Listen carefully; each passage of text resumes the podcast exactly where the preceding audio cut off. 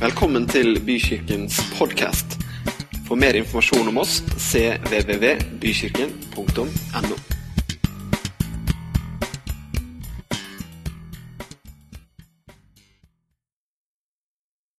Ja vel, skapt for å leve. Det er temaet vi skal snakke om i dag, og det er temaet vi skal snakke om de neste søndagene også. Vi tror nemlig det at du og jeg, vi er skapt for å leve. Vi er ikke bare skapt for å eksistere. Det er nemlig en liten forskjell på det. Fordi at alle som sitter her nå i dag, vi eksisterer jo. Du kan sjekke sånn. Ja, det kommer litt pust ut. Maskineriet er i gang, og du eksisterer. Gratulerer. Men det er en forskjell på det å eksistere og det å faktisk leve. Vi har eh, mange ting vi driver med. Vi har liv som eh, har faste program. Jeg er sikker på det er flere enn meg her som har ganske fulle kalendere. og her om dagen, så, etter å ha vært på jobb to og en halv uke etter en lang, god, varm sommer, så var det en følelse som slo meg som jeg overhodet ikke likte. For plutselig så var maskineriet så tradisjonelt i gang at jeg var liksom ikke helt i stand til å hente fram sommeren. Kan du tenke det? Flere enn meg som hadde en blå mandag etter noen uker med sol. og ja, det var mange, mange frimodige hender her.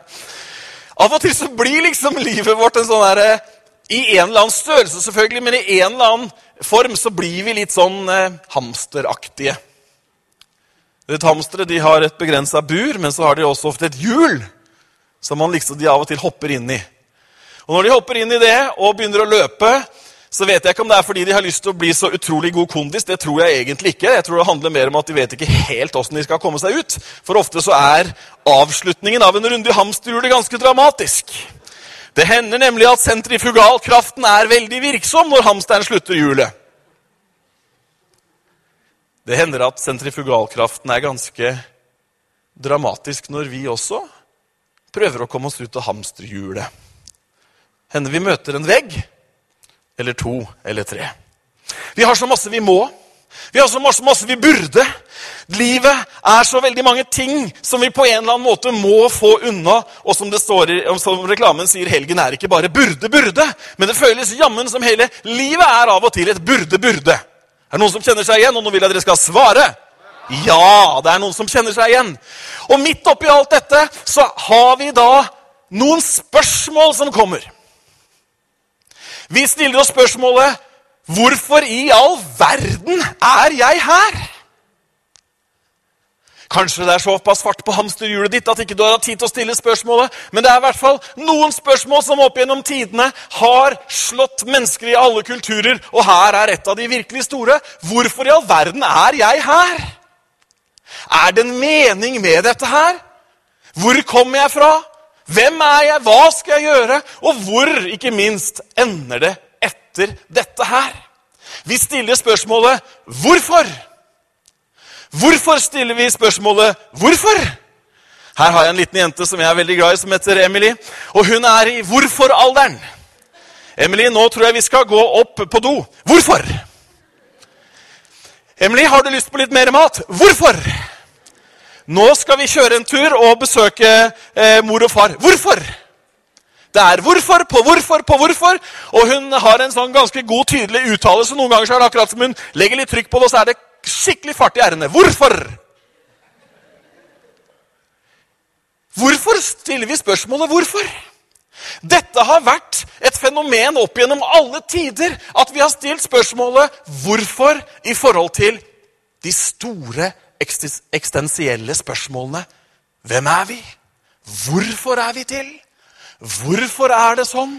Hva skal livet inneholde? Og videre. Du og jeg, vi møter hverdager, vi møter vanskelige situasjoner, og vi har utfordrende relasjoner. Men Gud, han har en tanke. Gud, han vil at du og jeg skal få oppleve og leve et godt liv. Og det er ikke bare de utvalgte få, men Gud vil at alle mennesker, uansett hvem du er Jeg kjenner ikke alle som er her, men uansett hvem du er, uansett hva som er din historie, så ønsker Gud at du skal leve et godt liv. Ikke fordi alle rundt er så snille, men fordi at Gud er god.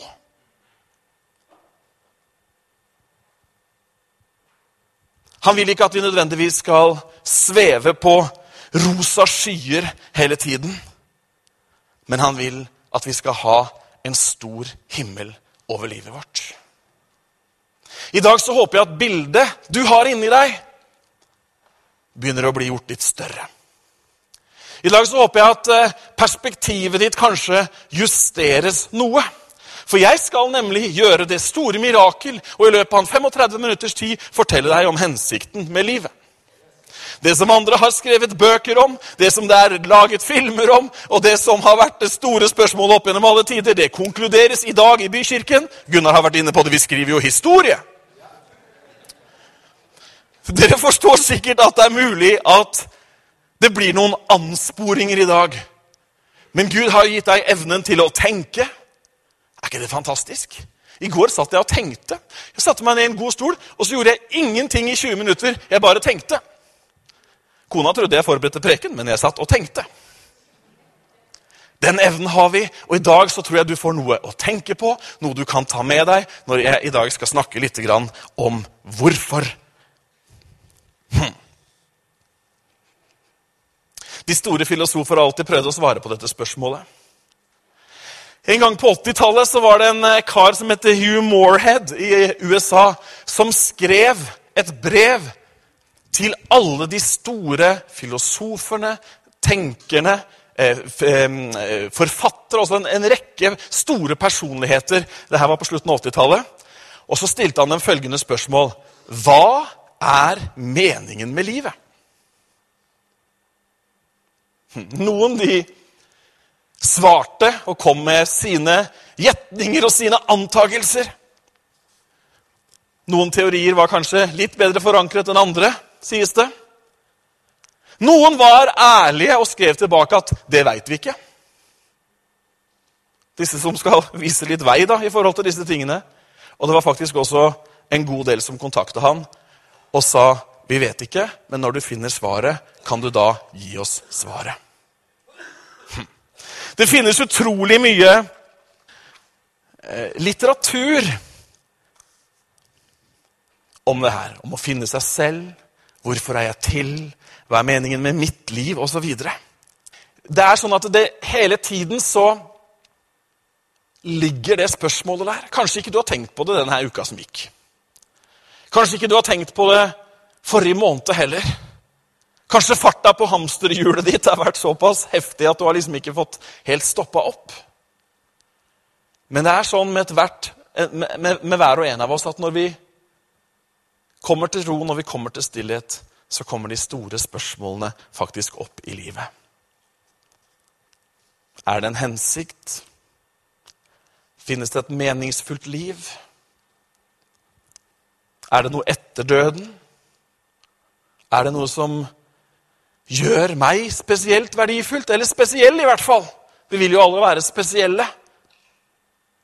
I mennesket så er det skapt et ønske et sterkt begjær etter å bety noe for noen og noe.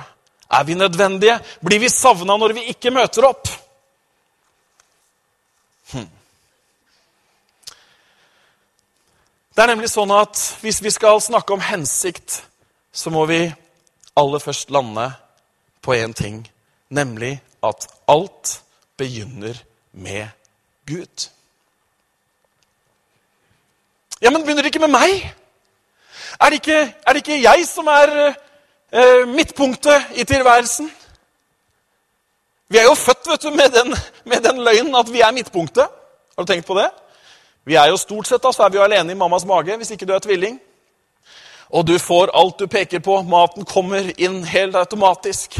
Det er varmt, det er godt, og du er liksom hele tilværelsens sentrum. Tror du helt til du kommer ut. Og finner ut at det er jo noen andre også i denne verden. Det er jo ikke bare meg, det er jo noen andre som også faktisk har en plass et eller annet sted rundt her. Det er sånn at vi spør oss hva er hensikten? Og da ønsker vi å finne et svar på det. Finnes det et svar, da? Er det ikke litt opp til den enkelte å definere sin egen sannhet?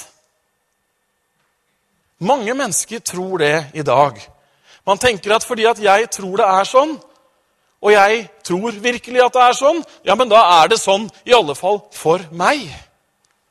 Men det skaper jo ikke en sannhet at du sier at det er sannhet. Da hadde matematikken vært interessant. Da hadde det vært gøy å være mattelærer. Nei, nå er det sånn at jeg mener at uh, produktet av disse to faktorene, det er faktisk slik, og det er, det er riktig for meg. Det blir ikke sant av den grunn. Når vi ønsker å finne svaret på hensikten, eller meningen med livet, så er det så lett for at vi begynner i feil ende. Vi begynner nemlig med oss sjøl. Jeg skal lese et, et, lite avsnitt fra en bok som en som heter Rick Warren har skrevet. 'Målrettet liv'. Kjent for mange. En fantastisk bok som handler faktisk om hensikt. Og man blir jo veldig oppmuntra, da. For når man eh, begynner på første kapittel, så er første setning Det handler ikke om deg. Ja, nei, Nå trodde jeg liksom at jeg hadde funnet en bok som skulle gi meg hjelp til selvhjelp og det ene og det andre. Men hør hva det står. Det handler ikke om deg. Hensikten med livet ditt er mye større enn din egen personlige tilfredsstillelse. At du har fred i sinnet, ja, til og med at du er lykkelig. Det dreier seg om mye mer enn familien din, karrieren eller til og med dine villeste drømmer og ambisjoner.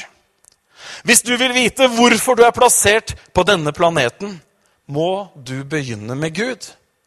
Du ble født ved ham og for ham. Her står det i Romerbrevet 11 36. For av ham og ved ham og til ham er alle ting. Ham være ære i all evighet. Amen. Skal vi lese det sammen som en sånn eh, aldri så liten trosbekjennelse? Er du med? Én, to, tre. For av ham og ved ham og til ham er alle ting. Ham være ære i all evighet. Amen. Det begynte med Gud. Din eksistens, din hensikt, begynte med Gud. Vi har våre menneskelige mål, og vi tror av og til at vi har oppnådd hensikten vår når vi har nådd noen mål vi har satt oss i livet. Det kan være at en utdannelse er avslutta, det kan være at man har blitt gift, det kan være at man har fått barn, det kan være det ene og det andre. Men det store spørsmålet er større enn de tingene du kan oppnå. Du kan faktisk ha lykkes til de grader sett i menneskers øyne. Og så har du likevel gått glipp av hensikten med livet ditt. Du, det betyr med andre ord at du kan ha oppnådd mange ting. Du kan ha sett mange resultater, du kan ha produsert mye. Likevel så kommer spørsmålet tilbake. Hvorfor i all verden er jeg her? Eller sagt på en annen måte som jeg har hørt uttrykt av mange når de har i sin utålmodighet reflektert over livet, så har de sagt det må da være noe mer. Eller det må da være noe annet. Er det bare dette? 70-80-90 år, og så er det over. Og svaret er, folkens, at det er noe mer. Men vi må stille spørsmålet riktig. Hvis vi stiller spørsmålet 'Hva er meningen med livet?', så havner vi på alle disse bragdene, alle disse tingene, alt det vi kan gjøre. Men hvis vi stiller spørsmålet annerledes og sier 'Hvem er meningen med livet?', da får vi et annet svar. Meg selv. Nei, Gud. Gud er meningen med livet. Og hva betyr det? Det skal vi faktisk snakke litt om nå. Som menneske så er du helt spesiell hvis du sammenligner deg med resten av skapningen. Som menneske så er du skapt lik Gud. Bibelen sier at vi er skapt i hans bilde. Gud sier i skapelsesberetningen, 'La oss gjøre mennesker i vår lignelse, i vårt bilde'. Det er der det begynner. Det er faktisk utgangspunktet vårt. Vi forstår hensikten på en helt annen måte når vi skjønner at det er Gud som står bak livet mitt. Det finnes noe større enn alle de tingene som skjer. Vi er skapt lik Han. Det betyr at det er noe ved Han som du kan oppleve i deg selv. Det er noe i deg selv som er likt Gud. Livet begynner hos Gud. Livet opprettholdes av Gud. For at vi mennesker skulle være i stand til å besvare, gi et gjensvar og en respons til Guds kjærlighet, så måtte vi skapes med en fri vilje. Bibelen bruker et ganske morsomt bilde, egentlig, eller et veldig forståelig bilde, på Gud og de som tror. Han snakker om bruden og brudgommen. Og så sant ikke det er et arrangert ekteskap, så er det god vilje fra begge parter når noen inngår en ektepakt. Man gjør det av fri vilje. Ikke fordi noen har bestemt det, men fordi man ønsker det. Og sånn begynte det med menneskeheten. Det var utgangspunktet. Menneskene var i Guds perfekte verden, i Edens hage. Men så valgte man annerledes. Man valgte, og istedenfor å prise Gud og ære Gud og juble for han for alt det gode han hadde gjort, så valgte man å gå egne veier.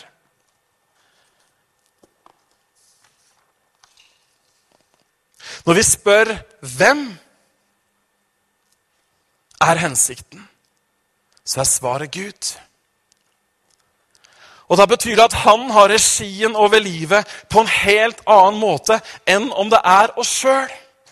Da blir hensikten noe større enn det du kan putte inn i en timeplan og en agenda. Da blir hensikten hva Gud ønsker. Det står i eh, Kolosserne 1 at for i ham ble alle ting skapt. De som er i himlene og som er på jorden, både synlige og usynlige. Alle ting ble skapt ved han og for han. Du har ikke skapt deg sjøl. Men Gud har skapt deg. Er ikke det fantastisk? At du er ikke bare et biologisk resultat av møtet mellom to mennesker. Nei, Gud, han har skapt deg. Du er planlagt. Hm. Ja vel? Ja, men eh, mamma og pappa sa at jeg eh, egentlig ikke var planlagt, jeg bare ble til. Skal ikke ha håndsopprekninger, men noen har jo hørt lignende melding. Men du er planlagt. Du er ingen tilfeldighet. Selv om det kanskje føles sånn, så er ikke du en tilfeldighet. Du er nøye planlagt. Du er deg akkurat nå fordi at Gud ville at du skulle være det. Det er litt perspektiv på livet. Det er litt annerledes enn å bare tenke at ja, ja, jeg får henge med så godt jeg kan. Det kan jo hende det blir en eller annen mening med dette etter hvert. Men du er faktisk planlagt. Før du ble født Hør hva jeg sier. før du ble født. Før du ble dannet i mors liv, så kjente han deg. Ja, nå, nå drar du det langt. Nei, Bibelen drar langt. Jeg må smøre tjukt på skiva, Bent Ove. Nei, det står det! Før du ble dannet i mors liv, så kjente jeg deg, si Gud. Denne her lille frøkna som vi har hjemme, som bringer disse store spørsmålene på banen støtt og stadig, hun spurte meg her en kveld. For Hun har vært litt opptatt av det med at man har vært i magen, og så har man kommet ut, og hvem som kom først. For hun kom først. Hun, hun sier det sånn. «Eh, Først så ønska dere dere en jente, og så kom jeg. Det var veldig bra. Og så ønska dere dere en gutt, og så kom Philip. Det var veldig bra. Men pappa, hvor var jeg før jeg Før magen? Og da ble Børud-gjengen redningen for meg. Denne kristne familiegruppa som har sunget eh, oss slitne opp gjennom tidene. Men Børud-gjengen ble redningen for meg, altså. Og sangen 'Lille Ole, du var i Guds tanke'. Lille Ole synger ute 'Mamma, hvor var jeg før jeg ble født'? Da var, da, var, da var han liten han sang. Det var ikke nå i fjor. Han var liten. Før jeg kom inn i din mave Synger jo ikke så verst heller, vet du. Har jeg vært ingenting? Åssen er det? Svar om du kan. Det går vel ikke an Nei, og så synger mammaen. Lille Ole, du var i Guds tanke Da stoppa det for Emily. Jeg vil ikke være i Guds tanke!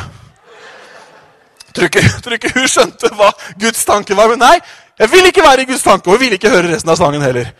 Som hvor hun, Om det var tang, en eller annen tank eller tanks eller hva det var som påvirka tanken, jeg vet ikke, men hun vil ikke være i Guds tanke. Kanskje du også er som Emilie og vil ikke være i Guds tanke, men du var i Guds tanke. Å, det gir jo livet verdi. Det gir jo gullramme rundt portrettet ditt. Det løfter oss jo til nye høyder. Vi var i Guds tanke. Snakk om å bety noe. Og dette her, det går dypere enn sleivete kommentarer fra foreldre. Det er en større mening med at du og jeg er til. Gud skapte oss. Han venta på at du skulle bli født. Han gleda seg til 1973. 12. august, åtte minutter over åtte på morgenen. Yes, der kom en! Han gjorde det. Det gjorde ikke du, ser jeg. Ja, Nå begynner det å bli litt oppblåst og svær. Nei, jeg bare siterer Guds ord. Det samme er det for deg. Han skapte deg. Du er ingen tilfeldighet. Samme hva du tenker, samme hva du har lært. Gud er Gud allikevel, og han hadde en plan. At du skulle komme til verden den datoen du kom til verden, og du skulle bli den personen du er, for at du skulle kunne oppleve at livet har en mening, jeg har en hensikt, fordi at fra tidenes morgen så har jeg vært i Guds tanke, og nå er jeg her på jorda hans, og han har faktisk en plan med meg. Åh, Det er fantastisk hvordan evangeliet, de gode nyhetene om Gud, løfter oss. Hæ? Du må begynne å se deg mer i speilet. Du må begynne med sånn eh, bekjennende speilinnsyn. Vet du hva det er? Det står om det i Nei, det gjør ikke det. I Efeserbrevet står det ikke det, men Det står om speil i Guds ord, faktisk. Det står at vi skal skue inn i er et sånt litt morsomt begrep, men det står 'inn i frihetens fullkomne lov'. Med andre ord, vi skal se oss i speilet og se hva Bibelen sier om oss. Og den sier at du er skapt, du har en hensikt, Gud har en plan. Nå blir jeg veldig glad når jeg preker sånn, for da kjenner jeg liksom at noe av de trivielle hverdagene det løftes litt av. Og så finnes det en himmel over livet mitt. Det finnes ikke bare en dagbok som går seks eller tolv måneder fram, men det finnes noe større. Gud, han har en plan. Gud, han har en hensikt. Og vet du hva? Inntil du finner den hensikten, så vil du bare lete og søke og spørre og møte opp på alt mulig. Hvorfor tror du at det er så stor pågang til en del sånn nyreligiøse, nyåndelige fenomener? Jo, fordi at spørsmålet ligger der. Det må være noe mer. Ja, det er, er det bare dette, da? Og det er når du møter Gud. Det er når du inviterer han til å bli en del av livet ditt. Da får livet mening. Da får livet en hensikt. Da har du en framtid. Da har du håp. Gud sier i sitt ord, 'Jeg vet hvilke tanker jeg tenker om dere'. Det sier han rett ut, akkurat sånn som jeg sa det. Står i Jeremia, 'For jeg vet hvilke tanker jeg tenker om dere', sier Herren. Det er tanker til fred. Tanker til framgang og håp. Alt ettersom hvilken oversettelse du leser. Fredstanker, ikke tanker til ulykke. Det er det Gud tenker om oss. Er det ikke fantastisk? Ha. Det gir livet drive, altså. Det er skikkelig dytt i ryggen å ha dette her høyt oppe i hverdagen.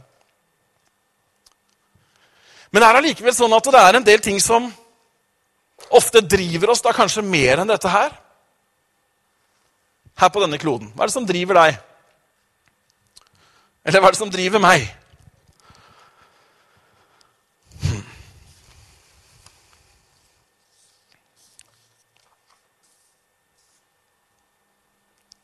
Jeg tror det var et bilde på det òg, Sebastian. var det ikke det? Hva driver deg? Ja, vi må ta med den på slutten, forresten. Det er bra. Før vi snakker, før vi snakker om Gud, hva som driver oss. At du er planlagt. Vet du hva Albert Einstein har sagt? Det som står på veggen. Gud spiller ikke med terninger. ute. Han hadde skjønt det. Vi tror på tilfeldigheter. Vi tenker det som skjer, det skjer. Og vi tenker at vi får bare finne en eller annen å henge med i. Da er du garantert å ikke oppleve Guds hensikt med livet. i alle fall. Gud han kaster ikke terninger. Men han har planlagt deg. Han har planlagt meg. Og Det er en bra driv å ha i livet. Men det kan være mange andre ting som driver oss også. mange andre ting som er motoren, det som egentlig skyver oss framover i livet. En ting som veldig mange faktisk drives av, som styrer oss, det er skyldfølelse. Vi er ikke gode nok. Noe har skjedd en eller annen gang i fortiden. Ny fortid eller gammel fortid. Og så styrer skyldfølelsen, opplevelsen, i fortiden framtiden vår. Sånn vil ikke Gud at du skal leve. Du er skapt for å leve et liv og ikke være i et fengsel av skyldfølelse.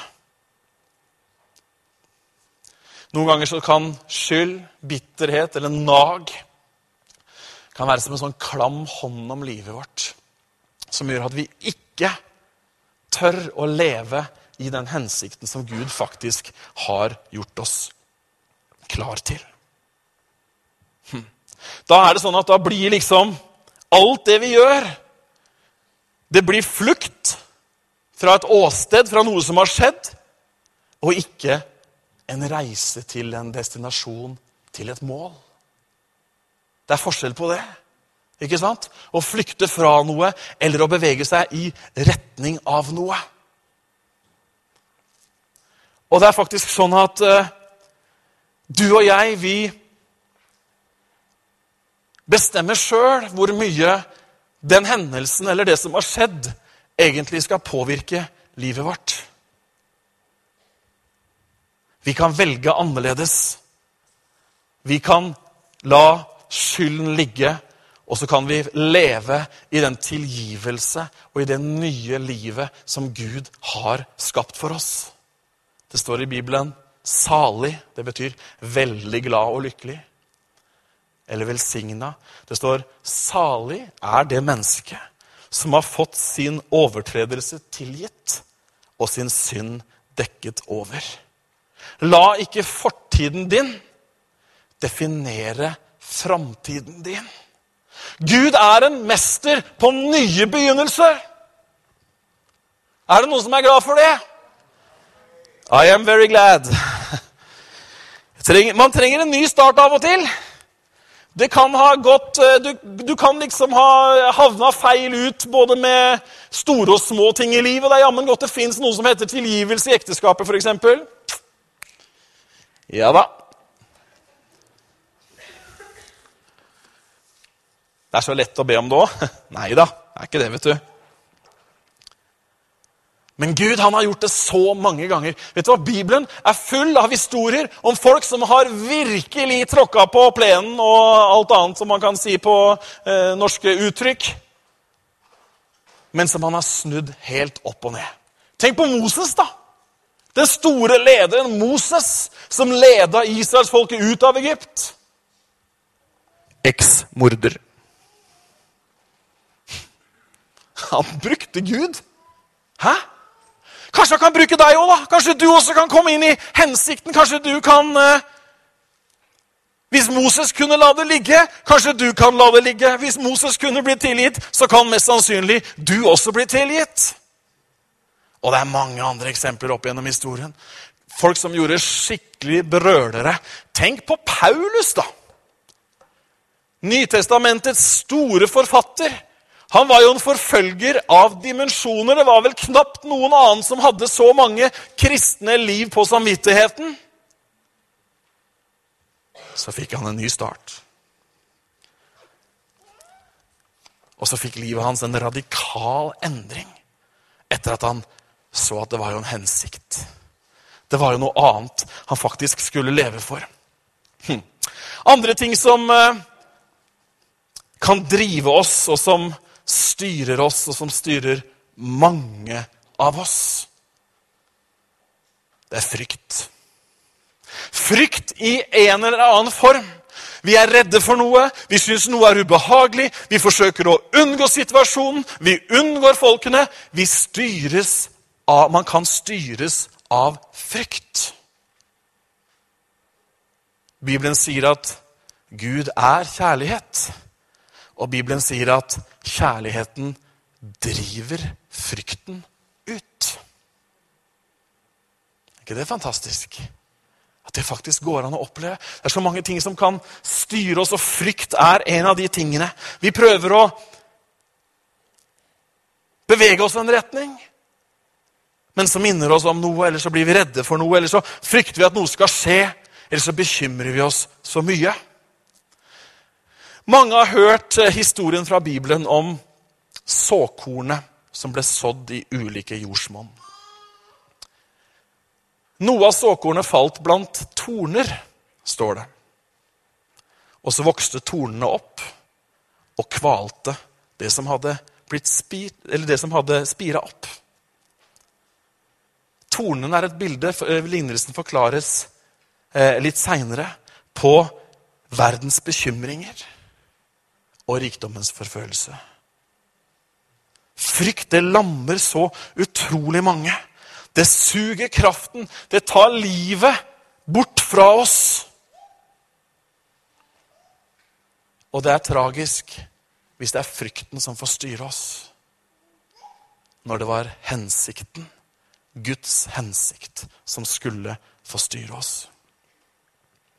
En annen ting som også styrer oss ofte, og det er lett å se på mange måter, men en annen ting som ofte er med på å styre livene våre, det er anerkjennelse. Hva sier folk om oss? Hva tenker han hvis jeg gjør det? Har du tenkt, har du tenkt noe i, i, i, lignende greie? Lurer, hvis jeg gjør det nå, hva kommer naboen til å si? Eller hva sier søstera mi, eller hva sier broren min? Og jo nærmere de er, jo mer svir det når de gir sin tilbakemelding på det du og jeg gjør.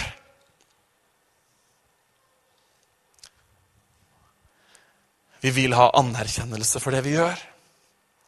Har du sett de der i køene Jeg har sett det bare på TV, det har aldri stått i sånn kø, men har du sett de køene som er utenfor sånne auditions for eh, Idol og X-Faktor og det ene og det andre. Det er jo tusenvis av mennesker som på død og liv skal prøve å få en eller annen scene, sånn at de i hvert fall kan få litt anerkjennelse. Og det er fælt å innrømme det, men Noen ganger er det litt morsomt å se første runden på sånne konkurranser. For det er jo noen som tydeligvis ikke har fått en tilbakemelding eller to før i livet. da, Og som slipper plutselig på TV-skjermen. Skulle nesten vært forbudt. vet du, Man skulle beskyttes mot seg selv. Men hva er poenget? Jo, man går langt for å få anerkjennelse. Man blir styrt av anerkjennelse. Unge folk i dag de kaster klærne fortere enn noen gang og legger det ut på nettet, for de skal anerkjennes. De skal bli sett. De skal være verdifulle. De skal stikke seg fram. Noen må si at 'jeg er bra', osv. Det er en forferdelig drivkraft å ha i livet hvis, du, hvis det er anerkjennelsen som styrer deg. Nå kan jo noe av det være bra. Man har mål, man har ambisjoner med sin utdannelse, med hva man driver med osv. Det kan være kjempefint. Men du vet, det er trist. Det er, for, det, er jo, det er, jo, noen godt voksne mennesker også, vet du. Som fortsatt prøver å få anerkjennelse. Kanskje en sånn anerkjennelse som de ikke fikk når de var små. Kanskje du har jobba med noen de må nesten vise deg hvert avsnitt de har skrevet, eller hver lille ting de har gjort. Og vil gjerne høre ja, Se her, åssen var det, liksom? Noen er mer notoriske enn andre, men, men sånn er det. Og det kan være en drivkraft i livet vårt. Hm. En annen ting som kan styre oss, det er det velklingende ordet materialisme. Materialisme er en stor drivkraft i vår del av verden. Som styrer livene våre. Nå snakker jeg om ting som styrer livene våre, kontra det at det er Guds hensikt som får styre livene våre. Vi vil ha ting. Fine ting. Nye ting. Siste versjon. Det kjedelige med ting, vet du hva det er? Det er at de kan ikke forandre seg. De er sånn som de er. Og det som er kjedelig i ledd to da, er at vi blir jo lei. Så da vil vi gjerne ha en ny versjon, eller den neste utgaven, eller et hakk større, eller et hakk bedre, eller den riktige fargen, osv. osv. Jeg satt båtvakt med en eiendommelig fyr her for et par år siden. Det, er, det var, skal Vi se, vi begynte på vakta klokka ni, og så var vi ferdig fem om morgenen. Det var et åttetimersstudie, en monolog i materialisme. Jeg skulle ønske at jeg hadde opptaksutstyr, for det var altså Og dere som kjenner meg litt, vet at jeg er jo ikke akkurat en taus person, men jeg kom ikke mye til orde den natta der. Det var litt kult, da, for typen hadde jo peil på båter. Eh, spesielt de som eh, lå i sånn flere millionersklassen osv. Så, videre. så jeg skal ikke henge ut han. Ingen som kjenner han sikkert allikevel. Men altså, det var et øs av dimensjoner. Og jeg satt der med en eh, tresnekke som hadde sett sine bedre dager, og som starta når Ja, han starta jo stort sett, faktisk.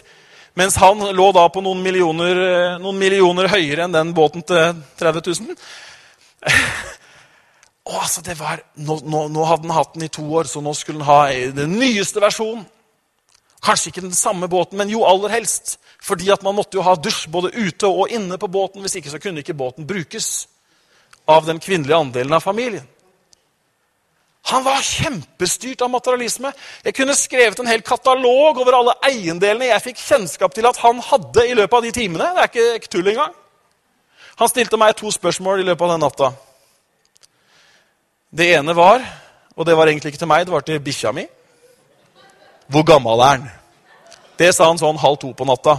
Da hadde vi gått fire runder, og vi hadde snakka lenge. Og så litt lenger ut på samme patruljerunde så lurte han på hvor jeg bodde. Men det, det, er helt sant. Det var kjempegøy. Men, men, ellers så var det ingen spørsmål andre veien. Men det var en fantastisk materia, materialistisk katalog jeg fikk, eh, fikk kjennskap til der. Men Gud vil jo ikke at det skal styre oss. Gud vil velsigne oss, Gud vil at vi skal ha det bra. Men det er jo ikke det som er hensikten med livet. Alle de tingene vi har her nede, de tar slutt, de, vet du. Det er over, det funker ikke, og så uh, duger det ikke lenger osv. Det er bare midlertidig. Mens Guds hensikt er at vi skal leve helt inn i evigheten. Nå har klokka gått fort, ja. Det er bra. Da må vi nesten slutte, da, selv om jeg har mange andre ting òg.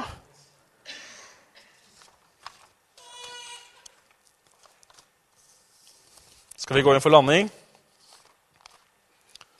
Alle vet at det kan bety alt fra 2 til 20 minutter. Nei da, jeg skal slutte.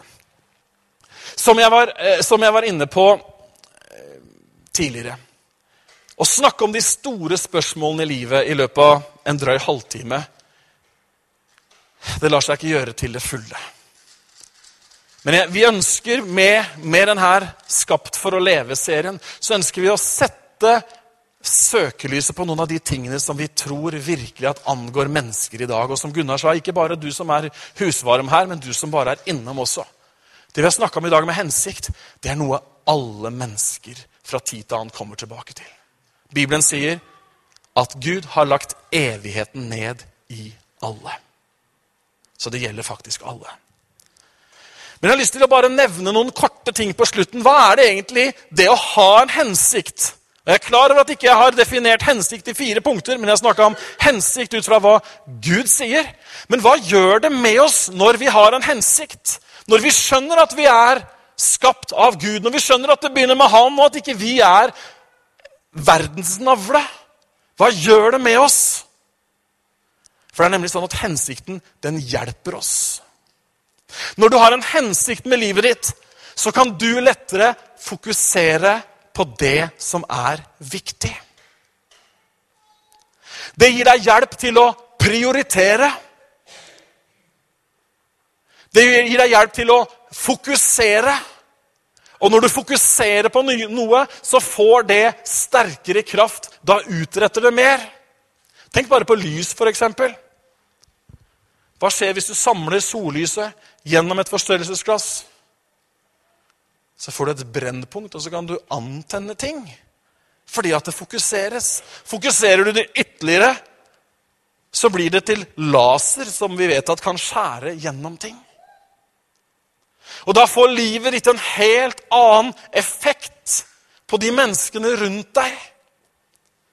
For en viktig ting med hensikt er nemlig at du og jeg vi er plassert nå, i 2014, der hvor vi er, fordi at Gud ønsker at vi skal få være med på hans oppdrag. Hans oppdrag er å nå nye mennesker. Hans oppdrag er at evangeliet, de gode nyhetene om ham, faktisk skal nå flere. Men det er vanskelig hvis ikke vi fokuserer. Det er vanskelig hvis ikke vi retter tingene inn, sånn at vi faktisk prioriterer riktig. Hvis du prøver å gjøre alt, så er det mest sannsynlig bare den prøvingen du får gjort. Har du prøvd å starte et sånn oppussingsprosjekt i fire rom på en gang? Mens du jobber fullt og er aktiv i menighet og gjør en del andre ting? Du får starta, vet du, men du blir jo ikke ferdig. Men det er kjempeeffektivt hvis du går liksom løs på én ting om gangen. Og det å ha en hensikt, det gjør at vi kan se gjennom livene våre. Hvilke aktiviteter er det som tjener denne hensikten? Hvilke ting i livet er det som bygger opp under det som jeg faktisk tror på, og som jeg sier at betyr mye for meg? Sånne spørsmål er godt å stille seg. Kan hende at du syns du blir litt sånn ransakende overfor deg selv. Hvis du syns det, så er det bare en god ting. Stiller seg noen gode spørsmål fra tid til annen. Vi kan be lovsangeren om å komme opp.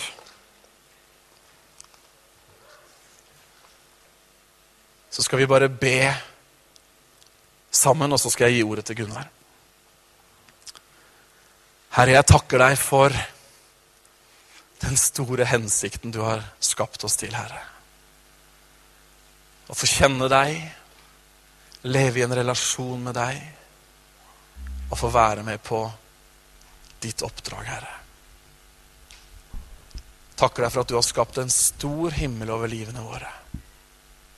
Jeg ber Herre om at i dagene som, eh, som kommer nå, så ber jeg Herre om at vi skal få åpna øynene våre.